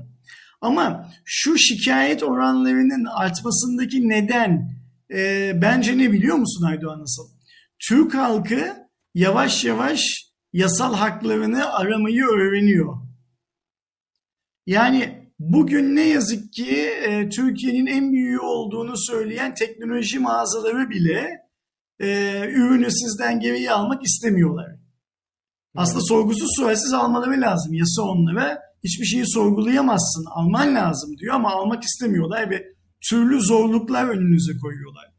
Türkiye'nin en büyük satış platformu olduğunu iddia eden Hepsi Burada'nın web sitesinde tüm ürünler için iade formu mevcutken Cep telefonu için iade formu mevcut değil mesela. Cep telefonlarını iade almak istemiyor hepsi burada bile. Öte yandan gavur dediğimiz Amerikalı'nın Amazon'u sorgusuz sualsiz Türkiye'ye de sattığı cep telefonunu iade olarak alıyor. Şimdi buradan şuraya çıkmak istiyorum. Biraz önce kripto para konusunda regülasyon dedik ya. Ticaret ve e-ticaret konusunda da cep telefonu satışı konusunda da regülasyonlarımız eksik Aydoğan. Evet. Bak e, Çalış e, Ticaret Bakanlığı şu konuya eğilse binlerce mutlu vatandaş yaratacak. Ama bence sadece e, iş adamlarının keyfini kaçırmamak için bazı konular görmezden geliniyor Türkiye'de. Şöyle düşünülüyor. Deniyor ki bu adam bilmem ne Çinli markasının distribütörü Türkiye'de şu kadar dükkan açmış, bu kadar adam çalıştırıyor, ıvır zıvır filan filan. Bu kadar telefon getiriyor. Biz bundan sadece vergimizi almaya bakalım. Bırakalım iş yapsın bu adam. Vergisini ödesin deniyor ama iş yaparken vatandaşı mutlu mu ediyor, mutsuz mu ediyor ona bakmıyor ne yazık ki Ticaret Bakanlığı. Bana soracak olursan bakması lazım. Kesinlikle. Yani ee, oradaki yani regülasyonun şeyinden bir de mesela şeyin de etkisi vardır diye tahmin ediyorum. Ee, buradaki şikayet artışlarının sebeplerinden biri de işte evde olmaktan kaynaklı artık telefonla, tabletle çok daha fazla vakit geçiriyor olmanın e, bir getirisi olsa da insanlar en azından şu anda e, biraz da ne derler ona Em, bir şeyle herhangi bir şeye karşı o sabır şeyi de azaldığı için artık tepki göstermeyi daha fazla yapmaya başlıyor. Senin söylediğin gibi hani e, işte şikayet etmesini, hakkını aramasını bilmesini sağlayan etmenlerden biri de artık o e, sabır oranının ya da aman uğraşmayayım şimdi oradan zaten ne kadar uğraşsam işte e, şikayet etsem tüketici hakem heyetine gitsem zaten 6-7 ayda çözülüyor. Uğraştığıma değmeyecek kısmını da artık uğraşmak da istiyor o sabır oranı düştüğü için diye düşünüyorum. Bak chatte yine altın yumurtlayan tavuklar var. Neymiş efendim? Amazon Amerika'da işçiyi sömüren markalardan biriymiş. Kaynak ne? Yok öyle bir kaynak tabii ki. Sanki okuduğun zaman şey zannediyorsun. Amerika'daki asgari ücret 10 birim de Amazon 5 birime çalıştırıyor insanları diye zannediyorsun. Beklenti ne? Amazon herkese Jeff Bezos'un kazandığı kadar para versin. Bunu bekliyoruz değil mi? İşçiyi sömürüyormuş. Bak Türkiye'de bak şimdi bu adamlar iki gün sonra da gelip bilmem ne aldım telefonum bozuldu ne yapacağım diye ağlayan adamlarla aynı jenerasyonun adamları. Aynı mahallede oturuyorlar. Altlı üstlü apartmanlarda. Hadi sonraki habere geçelim. Ee, sıradaki haberi bizde Galaxy, e, pardon Galaxy diyorum Fold'u görünce Mi Mix Fold'un e, satış başarısı. Bir dakika içerisinde 30 bin 40 bin e, birim yani adet e, satışını geçti. E, şu anda sadece bu arada Çin'de satılıyor. Çin'de satılıyor. E, 9999 yuan yani 1533 e, dolarlık fiyatıyla e, satışa çıkan model e, toplamda e, 400 milyon yuanlık bir satış gerçekleştirmiş ve şu anda da çok ciddi oranlarda satılmaya devam ediliyor. Telefona baktığımızda Snapdragon 888 12-16 GB RAM seçeneği, UFS 3.1 depolaması, kapalı haldeyken 6.52 inçlik 90 Hz bir ekran, açıldığında da e, 8.1 inçlik 2K çözünürlüğünde HDR10 destekli bir ekran var. E, yaklaşık 1-2 e, ay içerisinde yanlış bilmiyorsam hatta daha kısa sürede de olabilir. Global satışı da bekleniyor e, ürünün. O global satışa kolay kolay çıkmaz ya çünkü işlemci sorunu var her şeyden önce. Ben bu haberi e, Cuma raporu listesine almanı senden özellikle rica ettim biliyorsun. Hı hı. Rica etmemin nedeni şuydu. Biz Xiaomi'nin Çin'de işte böyle 5 dakikada şu kadar sattı, 10 da son 5 dakikada 9 gol attı, işte bilmem ne filan filan haberlerini duymaya çok alışığız zaten. Ama bu cihaz şey bir cihaz. Ee, adını sen söyle. Satışı zor bir cihaz Evet. ve Çin içinde pahalı bir cihaz. Evet yani Pahalı olduğu için yuan. bundan bir dakikada 30 bin tane satmış olması gerçekten çok şey ee, garip. Şöyle garip ee, Çin'de 30 bin tane o parayı verip cihaz alacak adamı nereden buldular filan gibisinden bir soru var. Çin'in bütün Ben- zenginleri almış herhalde.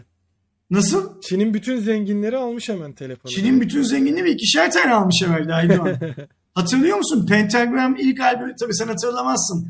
Pentagram ilk albümünü çıkarttığı zaman Türkiye'de şey vardı işte o zamanlar eee, rock ya da işte heavy metal her neyse dinleyen arkadaşlar iki tane üç tane albüm alıyorlardı. Sonra sektörü hani eee müziği şey Devam yani sektörün un kapanı camiasına bu müzikte de bir gelecek var. Buraya yatırım yapılabilir fikrini oluşturmak için Çinliler de öyle yapmışlar. Gidip ikişer tane falan almışlar bu cihazdan. Destek verilmiş vallahi orada yani. Garip yani 30 bin adet satmak hani e, ne Huawei'de ne işte Samsung kanadında ne de başka bir markada bir katlanabilir. Bir de hani formu yeni dediğin gibi pahalı ki yani dolara çevirdiğimizde de 1500 dolarlık bir cihaz. Yine Amerika için de yani dünyanın herhangi Tabii bir canım, yani hani- çok pahalı bir cihaz. Şimdi bir dakikada 30 bin tane fiziki olarak satılamaz. Bu zaten mümkün değil. Demek ki internetten satmış Xiaomi bunu. De yani şunu düşünmek lazım. Çin'de kredi kartıyla ya da işte Çin'deki ödeme yöntemi belki kredi kartı olmayabilir. Herhangi bir online ödeme yöntemiyle bir dakika içinde 30 bin çarpı 1500 dolar dersek Erdoğan çıkan para kadar para el değiştirmiş demek. Çok ciddi bu. hani bir anda e, bizim zamanında hani hangi yıllardı? Galiba 2000'lerin başında ya da böyle bundan bir 10 sene önce alın verin ekonomiye can verin diye bir slogan vardı ya. Yani Aynen öyle. İşte bir dakika içerisinde Çin ekonomisini canlandırmışlar. 1500 dolar desek adam 45 milyon dolar yapıyor. Bir dakika içinde 45 milyon dolarlık satış o gerçekleştiğini varsayacağız yani. Kesinlikle çok. Ya mesela bakın şeyde yurt dışında nasıl satılacak? İnanırsan ne güzel inanmış o vay Xiaomi ne kadar güzel büyük marka filan de. Ben şeye bakarım. Yıl sonunda eğer bir dakikada 45 milyon dolarlık satış yapabiliyorsa e, yıl sonunda kar patlaması yaşaması lazım. E, final bilançosuna bakarım Xiaomi'nin sadece. Ama şimdi kar patlaması olmuyor abi. Arge yatırım patlaması olması lazım Xiaomi dediğine göre. Çünkü %5'ten fazlasını almıyor diyor. Kendisi. Sen ona inanıyor musun? Yok tabii ki inanmıyorum. hani öyle bir şey olursa seneye bildiğin uçak falan yapması lazım. O kadar bir bütçesi olacak çünkü. Komple araya yatırıyorsa. Ya da e, bütün çalışanlarına globaldeki ciddi oranda zam yapması gerekir herhalde. Şey. Ya da ciddi Çin mi globaldeki çalışanına zam yapar mı Allah aşkına? yani. Ee, Çin'de hani Çin'de demişler... çalışan yöneticiye neyse de globalde çalışana zam mı olur? Hangi Çinli şirket globalde çalışanına zam yapmış? 3 yıldan fazla herhangi bir ülkede herhangi bir ülke vatandaşını çalıştıran Çinli şirket var mı Aydoğan? En fazla 3 yıl çalıştırıyor sonra gönderirler. Çok fazla görmedim. Adamın maaşı yükseliyor. Şeyi tazminatı yükseliyor. Tutmazlar. Adam şey yapsa ne derler e, günde 25 saat çalışsa çalıştırmazlar o adamı. Şey de e, galiba o da 3 sene çalıştı değil mi abi Hugo Barra'da? Ki Xiaomi harbiden çok iyi yerlere getirmesinde şey yapan yani öncülük eden. Onu bile galiba 3 ya da 4 sene falan çalıştı o da. Çinlili ve zaten 3 yıldan fazla dayanamazsın Aydan. Öyle de bir şey var.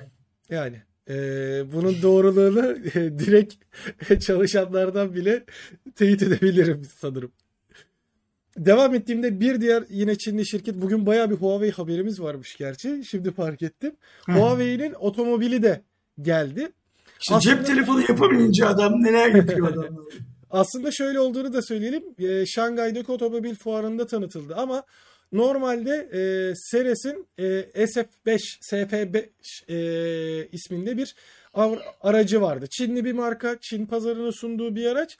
E, bu sefer Huawei Smart Selection adını alarak bir özel araç çıktı ve içerisindeki e, hibrit teknolojisi başta olmak üzere bütün teknolojinin Huawei tarafından geliştirildiği vurgulanıyor. Aracın özelliklerine baktığımızda 1,5 litre benzinli ve 2 de elektrikli e, motoru bulunuyor. Tabii ki bu iki elektrikli motor plug-in hibrit görevini görüyor. Yani aslında menzil arttırıcı bir görevi var ve kendi başına 108 kilometrelik bir e, menzili var. Sadece elektrikli motoru kullanmak istediğinizde toplamda yani bütün motorları topladığımızda da 550 beygir güç, 820 nanometre tork ve sıfırdan 100'e de 4.7 saniyede çıkabilme gibi aslında sportif özelliklerinin de kazandığını görüyoruz. E, 180 kilometreymiş bu arada. 108 değil elektrikli e, ünitenin kattığı menzil. Toplamda da yani benzin deposunu da elektriği de fulllediğinde 1000 kilometre herhangi bir şekilde benzinliğe girmeden gidebileceği söyleniyor. E, içerisinde Huawei'nin Hicar adını verdiği sistem var. E, aynı zamanda Huawei Sound'la yani 11 hoparlörle de özel bir e, işte oradaki ambiyans çalışması yapılmış. Ama Hicar e, yani telefonlara diyor tabii ki akıllı cihazlara bağlanabildiği söylüyor. Android veya iOS e, cihazlarla uyumluluğundan bahsedilmemiş en azından şu an için. Ama e, direkt telefonla entegre bir şekilde harita bilgisi, işte müzik bilgisi, e, telefonla görüşme gibi yani Android Auto ve Apple CarPlay gibi bir sistemi kendi içerisinde oluşturduğu e, görülüyor. Aynı zamanda Huawei'nin e, burada geliştirdiği ikinci seviye bir otonom sürüş desteği olduğu, e, milimetrik dalga radarı, ultrasonik sensörler, kameralarla e, tabii ki donatılmış bir araç, adaptif hız sabitleyici, e, asistanları falan filan komple Huawei geliştirdiği bahsediliyor. Bu e, ürün demeyelim artık otomobil için. Şimdi Aydoğan bu otomobilde şöyle bir şey var. Ee, nerede tanıtılmış bu otomobil? Şangay, Şangay Otomotiv Fuarı'nda değil mi? Hı hı. Şangay Otomobil Fuarı yapılıyor. Covid'in ana merkezi Çin ve Çin'de fuar yapılabiliyor. Evet. Fotoğrafları görmüşsündür diye tahmin ediyorum. Hı hı. İnsanların hiçbirisinde neredeyse maske falan yok. İki yılda bir yapılan Japonya'daki Tokyo Otomobil Fuarı ise bu yıl yapılmıyor mesela. Evet Tokyo'da... Ya da atıyorum işte geçen ay değil ondan önceki ay yapılması gereken İspanya'daki e, cep telefonu fuarı yapılmıyor. Zaten şöyle bir şey de var abi onu da hemen söylemiş olayım. E, Japonya bugün e, Tokyo başta olmak üzere bazı illerinde Covid-19 nedeniyle yine e, OHAL ilan etti. Aynen öyle. Yani e, dünyanın farklı farklı coğrafyaları Covid konusunda farklı mevsimler yaşıyorlar. Evet. Şöyle aracı da göstermiş olayım diye ben hemen fotoğrafını da çıkardım. Yani e, kompakt SUV dediğimiz e, tarzda bir e, araç ama adamlar hem fuarda... Beni, beni kapatma kendini kapat. Kendimi kapattım zaten. Direkt kendimi kapatmıştım. yani şık duruyor da tabii işte diğer pazarlara gelir mi? Ee, ya da Huawei burada bir test yaptı da ilerleyen dönemde Huawei'nin kendi aracını görür müyüz ki yani Apple'da da diğer markalarda da e, bu muhabbet hep şey dönüyor. E, can, açıkça dönüyor. Can sıkıntısından yapmıştır belki Aydo. Yani onun da yani yapacak iş yok. Cep telefonu üretemiyor, geliştiremiyor. Ha ben bir de bir araba işine, otomobil işine girelim falan demişlerdir belki. İhtimali var. Yani onu da öğrenelim bari gelecek burada gibi e, diyerek öyle bir tercih yapılmış olabilir. Ve şöyle aşağı iniyorum. E, bu sefer de son iki haberimiz değil mi Aydoğan? Bakıyorum. Evet son iki. Son iki haber. E, bu, bu iki haberden sonra da e, çekilişe geçeceğiz. Aynen. Bu çekilişle ilgili atıp tutanlar var. Arkadaşlar, e, moderatör arkadaşlar onlara geçici olarak yasak veriyorlar. Bence arkadaşlar geçici olarak yasak vermeyin. Tamamen yasak değil. Mesela benim şu anda yaptığım gibi. E, böylece hiç çekilişe falan da katılamasın arkadaşlar. Bu arada evet Abdullah abi düzeltmiş. Ee, biz hep e, o tarz değerlerden işlemciden falan bahsederken Newton metre yerine nanometre diye söylemişim torku. E, onu düzeltmiş sağ olsun. Doğru orada bir dalgınlığıma gelmiş kusura bakmayınız efendim diyerek e, PlayStation'la alakalı bir e, gelişme var. Tabii ki bunun e, daha beta aşamasında olduğunu vurgulayarak bildiğiniz gibi aylık PlayStation Plus servisi var PlayStation kullanıcılarına. Özellikle hem online oynayabilmek hem de aylık kendi sunduğu oyunları da edinebilmek amacıyla bu servisi kullanıyorsunuz. Artık PlayStation Plus'a e, PlayStation Video Pass sistemi de eklendi. Güzel yana ek ücret istemiyor. E, buna bir şaşırdım. E, ek ücret istemeden siz PlayStation Plus almaya devam ettiğinizde ne, neye şaşırdın? Neye şaşırdın? ek, ek ücret istememesine şaşırdım. Çünkü oyunu alıyorsun online oynayabilmek için, arkadaşınla oynayabilmek için bir de PlayStation'a para vermen gerekiyordu. Eee Artık dizi filmler de dahil oluyor PlayStation Video Pass'e. Şu anda belli başlı e, şeyler var. E, eklenmiş özellikle Sony'nin kendi yapımları olan filmler ve e, diziler eklenmiş. Ancak şu anda beta sürecinde e, ne zaman resmi çıkışının gerçekleştireceği ve en başta Türkiye olmak üzere diğer ülkelerde de kullanıma hemen sunulacak mı? E, o şu anda e, şeyini koruyor. E, gizemini koruyor. Ve şu an sadece Polonya'da denendiğini söyleyeyim. Amerika'da da denemiyorlar. Sonra... Sadece Polonyalılardan para almıyorlar yani şu anda. Aynen. Belki de sonrasında para alabilirler gerçi. PlayStation'ın mantığı bana hiç Aydoğan bedavaya bir şey verecek adama benzemiyor. Tam buna cevaben de aslında altında şey notum vardı. Ee, ilk defa PlayStation kanadından bu e, özellikle pandemi sürecinde de insanların evde eğlenebilmesi adına Play at Home e, diye bir sistem çıkardı. Aslında sistem değil de ücretsiz yine bazı şeyler yapıyor. E, şu anda e, da eğer bir PlayStation hesabınız varsa Plus vesaire gerekmeden hiçbir gereksinim olmadan e, gerçekten PlayStation'ın güzel oyunlarından biri olan Horizon Zero Dawn'ın e, Complete Edition dediğimiz yani bütün ek paketlerinin oyuna parayla alabileceğiniz her şeyin dahil olduğu e, versiyonunu ücretsiz olarak edinebiliyorsunuz haberi olmayan PlayStation kullanıcıları varsa mutlaka e, bunu değerlendirsinler. Gerçekten çok güzel oyundur diye söyleyeyim. Şimdi chatte neden Polonya diye yazmışlar. Ee, Polonya PlayStation'ın en az para kazandığı yerdi Aydoğan büyük ihtimalle. Zaten çok az kazanıyoruz. Şurada deneyelim sistemi diye orada denemişlerdi. Yani kazansak ne kazanacağız ki diye. Oradan globale çevirdikleri zaman da ücretli halde çeviriyorlar zaten. Yani umarım öyle bir şey olmaz. Benim bek- benim beklentim bu yönde. Öyle söyleyeyim. yani şey ihtimali de tabii ki e, olabilir. Hani e, nüfus düşük olduğu için o sistemi test etmesi, şey yapması belki oradaki bir sunucu e, servisiyle de anlaşılmıştır gibi ihtimaller de var ama şey olursa e, demek ki PlayStation Plus Video Pass'le beraber belki Sony de kendi şeyini işte Netflix'ini de e, oluşturmaya çalışabilir bir diğer yandan. E, Ve son haberimiz öyle mi? Evet. Sonra Yine benim bir oyun haberi. Yok bu sefer film ve dizi haberimiz var. Ee, bir tanesi Mortal Kombat ya da Mortal Kombat demek lazım herhalde orijin olarak söylemek için ama Türkiye'de biz hep Mortal Kombat diyorduk sonuçta. Ee, bugün itibariyle e, yurt dışında yaşayanlar için HBO Max'te ve aynı zamanda sinemalara da e, geldi. E, şu anda Türkiye'de sinemalar kapalı olduğu için ve HBO Max servisi de olmadığı için yasal yollarla izleyebilme imkanımız yok. Onu bir söyleyeyim. Ama izleyebilme imkanlarınız tabii ki var. Bak Evet. Özgür 3 hafta önce izlemiş zaten.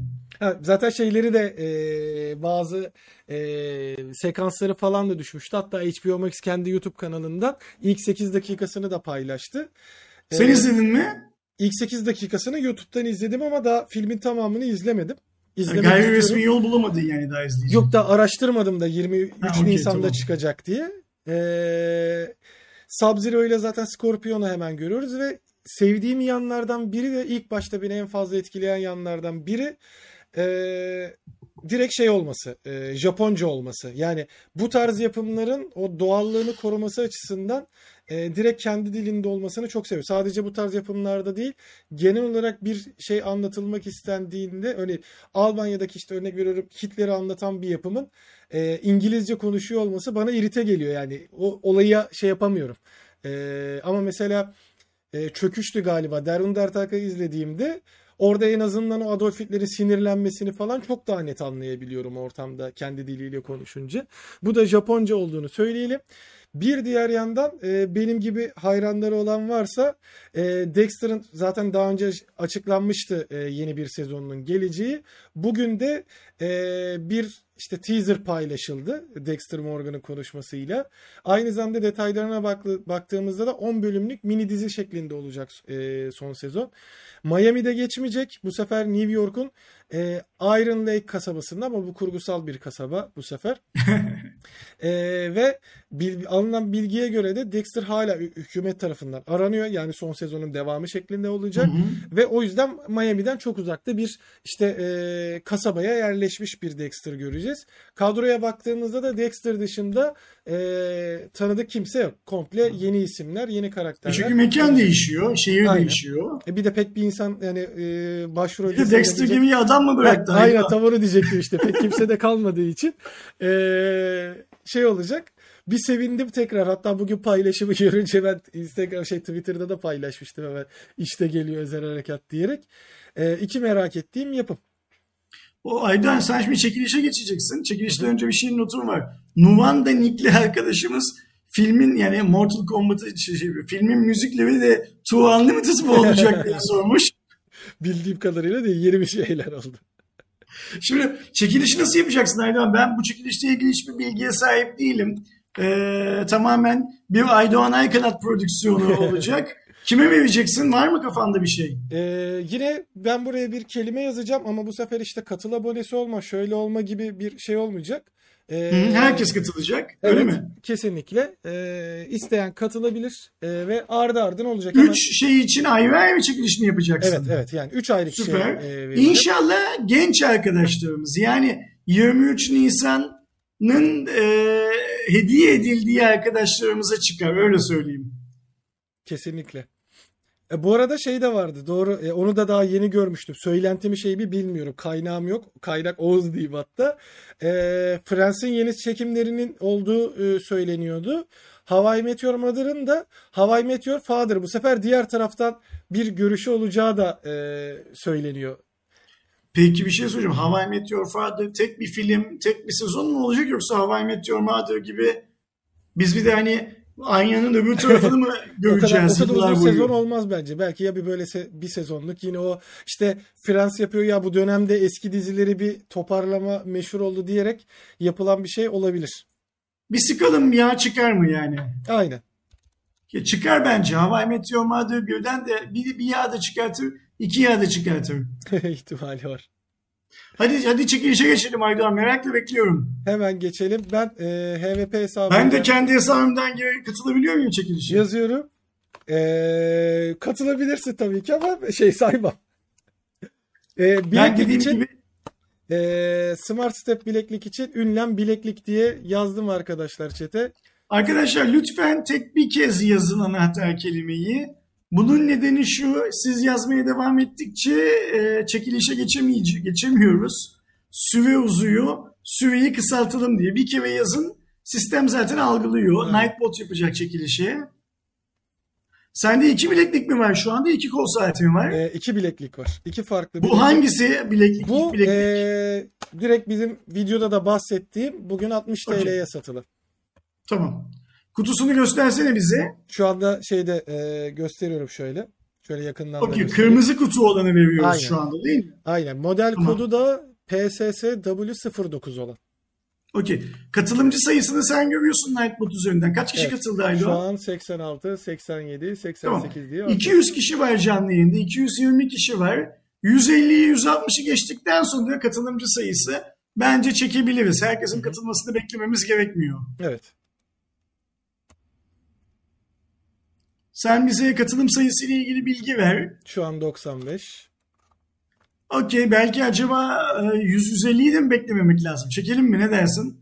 Ee, şu anda 100'e ulaştı. Yavaşladığını gördüğümde direkt çekerim. En azından çünkü e, özellikle akıllı telefonlarından yazanlarda ünlem koyunca boşluk bırakıyor. Durduk yere kendi Ha. sistemleri falan. Hatalı bir şey olmasın, e, kaçırmasın kimse diye bekliyorum. 105 olduk. Yavaş mod. Evet hani en azından e, spam yapılıp şey olmasın. Herkes yazdığını görmüş olalım diye şey yapıyorum. Zaten 3 tane e, benzer ürünlerimiz var. Zaten bir- herkesin bir kere yazması yeterli olduğu için yavaş modun yavaş modun kapalı olmasına da gerek yok bence. En azından durduk yere şu anda chat e, saçma bir şekilde ak- aç şey akmamış oluyor. 112 olduk. 114 115 ve zaten şu an ufak ufak yavaşladı. 120'yi geçtik mi ilkini yapıyorum bu arada. Nasıl olsa daha devamı gelecek. 117 118 yazamayan varsa e, 118'de kaldı. Evet, zaten daha fazla da çıkmıyor. 119 oldu. Hadi bir kişi daha gelsin. 120 oldu mu çekiyorum. 120 oldu. 120 olunca çekiyorum demiştim. Bastım. Yunus Coşkun isimli e, kardeşi bize çıktı. Fotoğrafına da baktığımda e, en azından şey istediğimiz e, oranda gitmiş gibi. Ben şu an için? Şeyi de düzgünce yazsın diye ben bir yavaş notu kaldırıyorum. Ee, Yunus lütfen şu anda chat'e mail adresini yaz. Ee, işte teşekkürler falan yazmaktan ziyade direkt mail adresini yazarsan benim önüme düşecek ki senden güle, bilgiler güle, güle güle kullan Yunus. sana bunu gönderelim.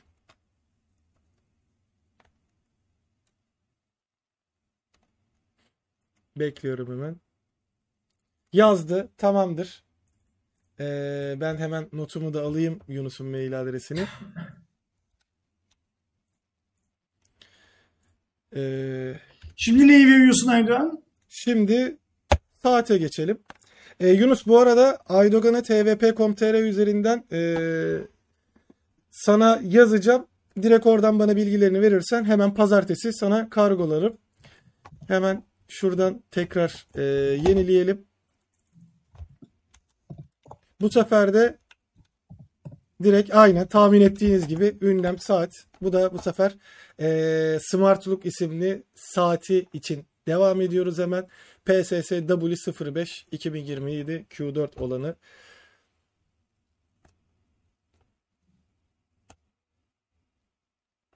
Evet arkadaşlar çekilişe katılmak istiyorsanız ünlem saat yazmanız yeterli. Ben yine şu anda en azından 60 olmasa da hani yanlış yazanlar da yazabilsin diye yine yavaş modu 30 saniye olarak açıyorum. Çünkü defalarca yazmanız bir şey değiştirmiyor. Şimdiden 118 olduk bile. Saatin müşterisi daha çok yani öyle mi? Ya da hani şeyle eee, şu anda yavaş yavaş çekiliş başladığını fark edip gelenler de artmış olabilir. Şu an canlı yayında kaç kişi varmış? 231 kişi var. Yok, aslında değişmemiş. Yok şey, şey saati katılım daha çok. Evet. Saati isteyen daha çok varmış. Yine inşallah genç bir arkadaşımız kazanır diyelim. Levent abi, Levent abi ünlem iftar yazmış. Ünlem iftar yazmış. Evet. Bu akşam kaçta okunuyor İstanbul'da? Eee, 19.59'da okunuyormuş. Bir buçuk saatimiz kaldı. Hadi bakalım. Müşterisi evet bayağı çok. 126 oldu. Zaten şimdi biraz yavaşladı. Ya da hadi şeyi şu an gerek yok. Ben 130'u açtık mı eee, şey yapacağım. Hem de kazanacağım. Çekiyorum beklemem diyorsun. Aynen.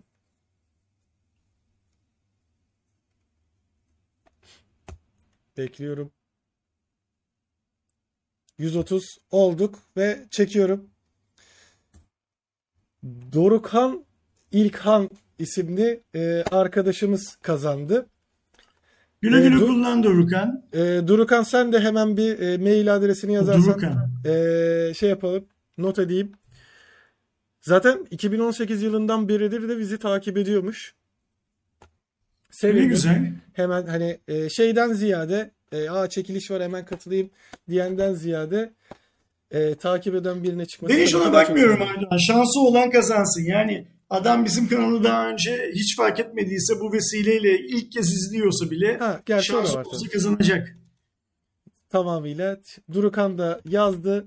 E, onun da mail adresini not ettim.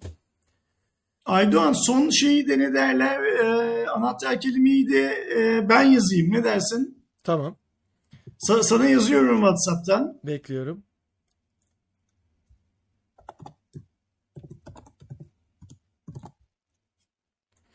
Hemen.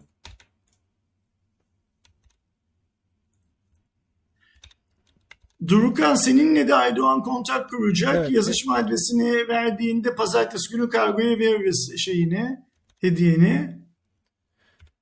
Ünlem 23 Nisan olarak eee Ersin abi bugün de direkt çıkmış olsun diye. Aynen öyle. Yazdı. Bugünü de boş geçmeyelim.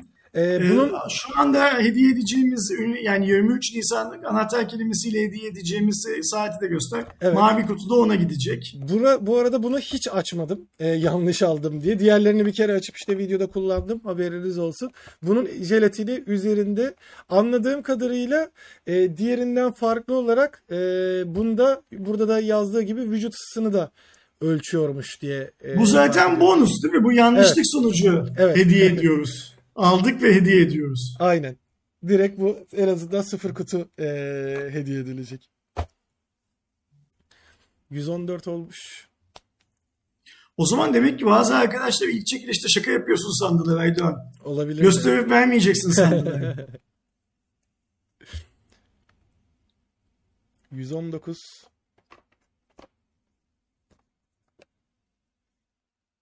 Vücut ısı kontrolü, adım sayar, kalori ölçer.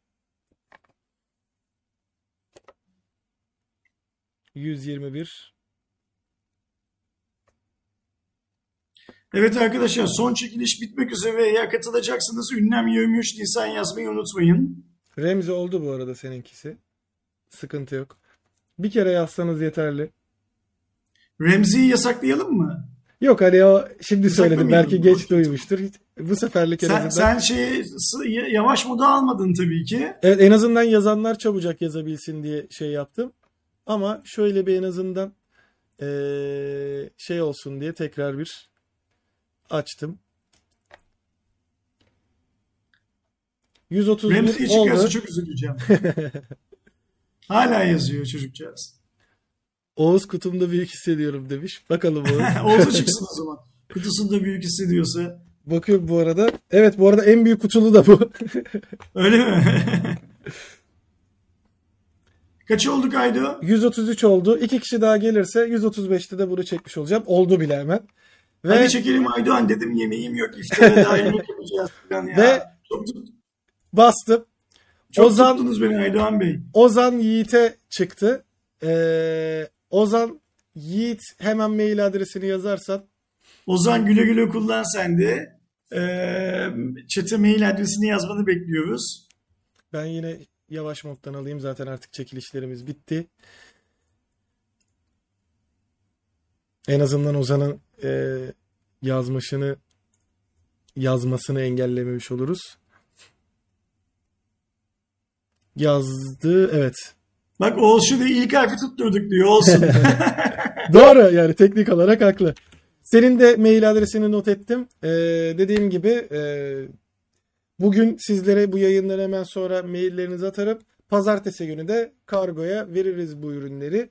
Son olarak e, şeyden de bahsedeyim. Hemen şu arkada duran e, Philips'in bu bayağı en azından kıyasladığımızda daha şey bir kulaklık. PH805 çekilişi de Instagram'da e, yapılacak. Son katılım haklarınız olduğunu söyleyelim. Instagram'daki bu ürünün olduğu bir de kedinin olduğu bir post var. Oradaki bilgilere bakarak yapabilirsiniz. Onu da yakın zamanda çekeceğim. Bugün çekilecek haberiniz olsun diyelim. Bugün mü onun çekilişi de? Evet.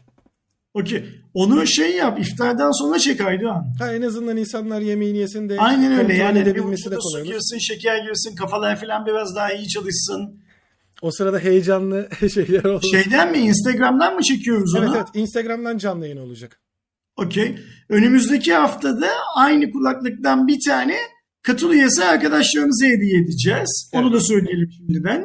Katılı özel bir ayrıca yine bu Aynen öyle. Aynı kulaktan bir de katılı ver aynı çekilişin e, bir de katılı versiyonu olacak. E, Aydoğan ufak ufak kapatalım artık yayını. Evet kapatalım. Kazananlara güle güle kullansınlar diyelim. Herkesin 23 Nisan'ını bir kez daha kutlayalım. Maske, mesafe, hijyeni unutmayalım arkadaşlar. Ne diyoruz? Maske, mesafe, hijyeni unutursak eksiliyoruz. Eksilmeyelim. Hep böyle kalalım. Sayımız eksilmesin. Önümüzdeki hafta Cuma günü kısmetse eğer Türkiye'de Covid şu ankinden daha kötü bir hale gitmezse ofiste olacağız. Öyle değil mi Aydoğan? Evet. Ee, eğer işler değişirse evlerden devam ederiz yaptığımız işi yapmaya. Kendinize iyi bakın arkadaşlar. Görüşmek üzere diyoruz. Tekrar e, mutlu bayramlar diliyorum. Hoşçakalın.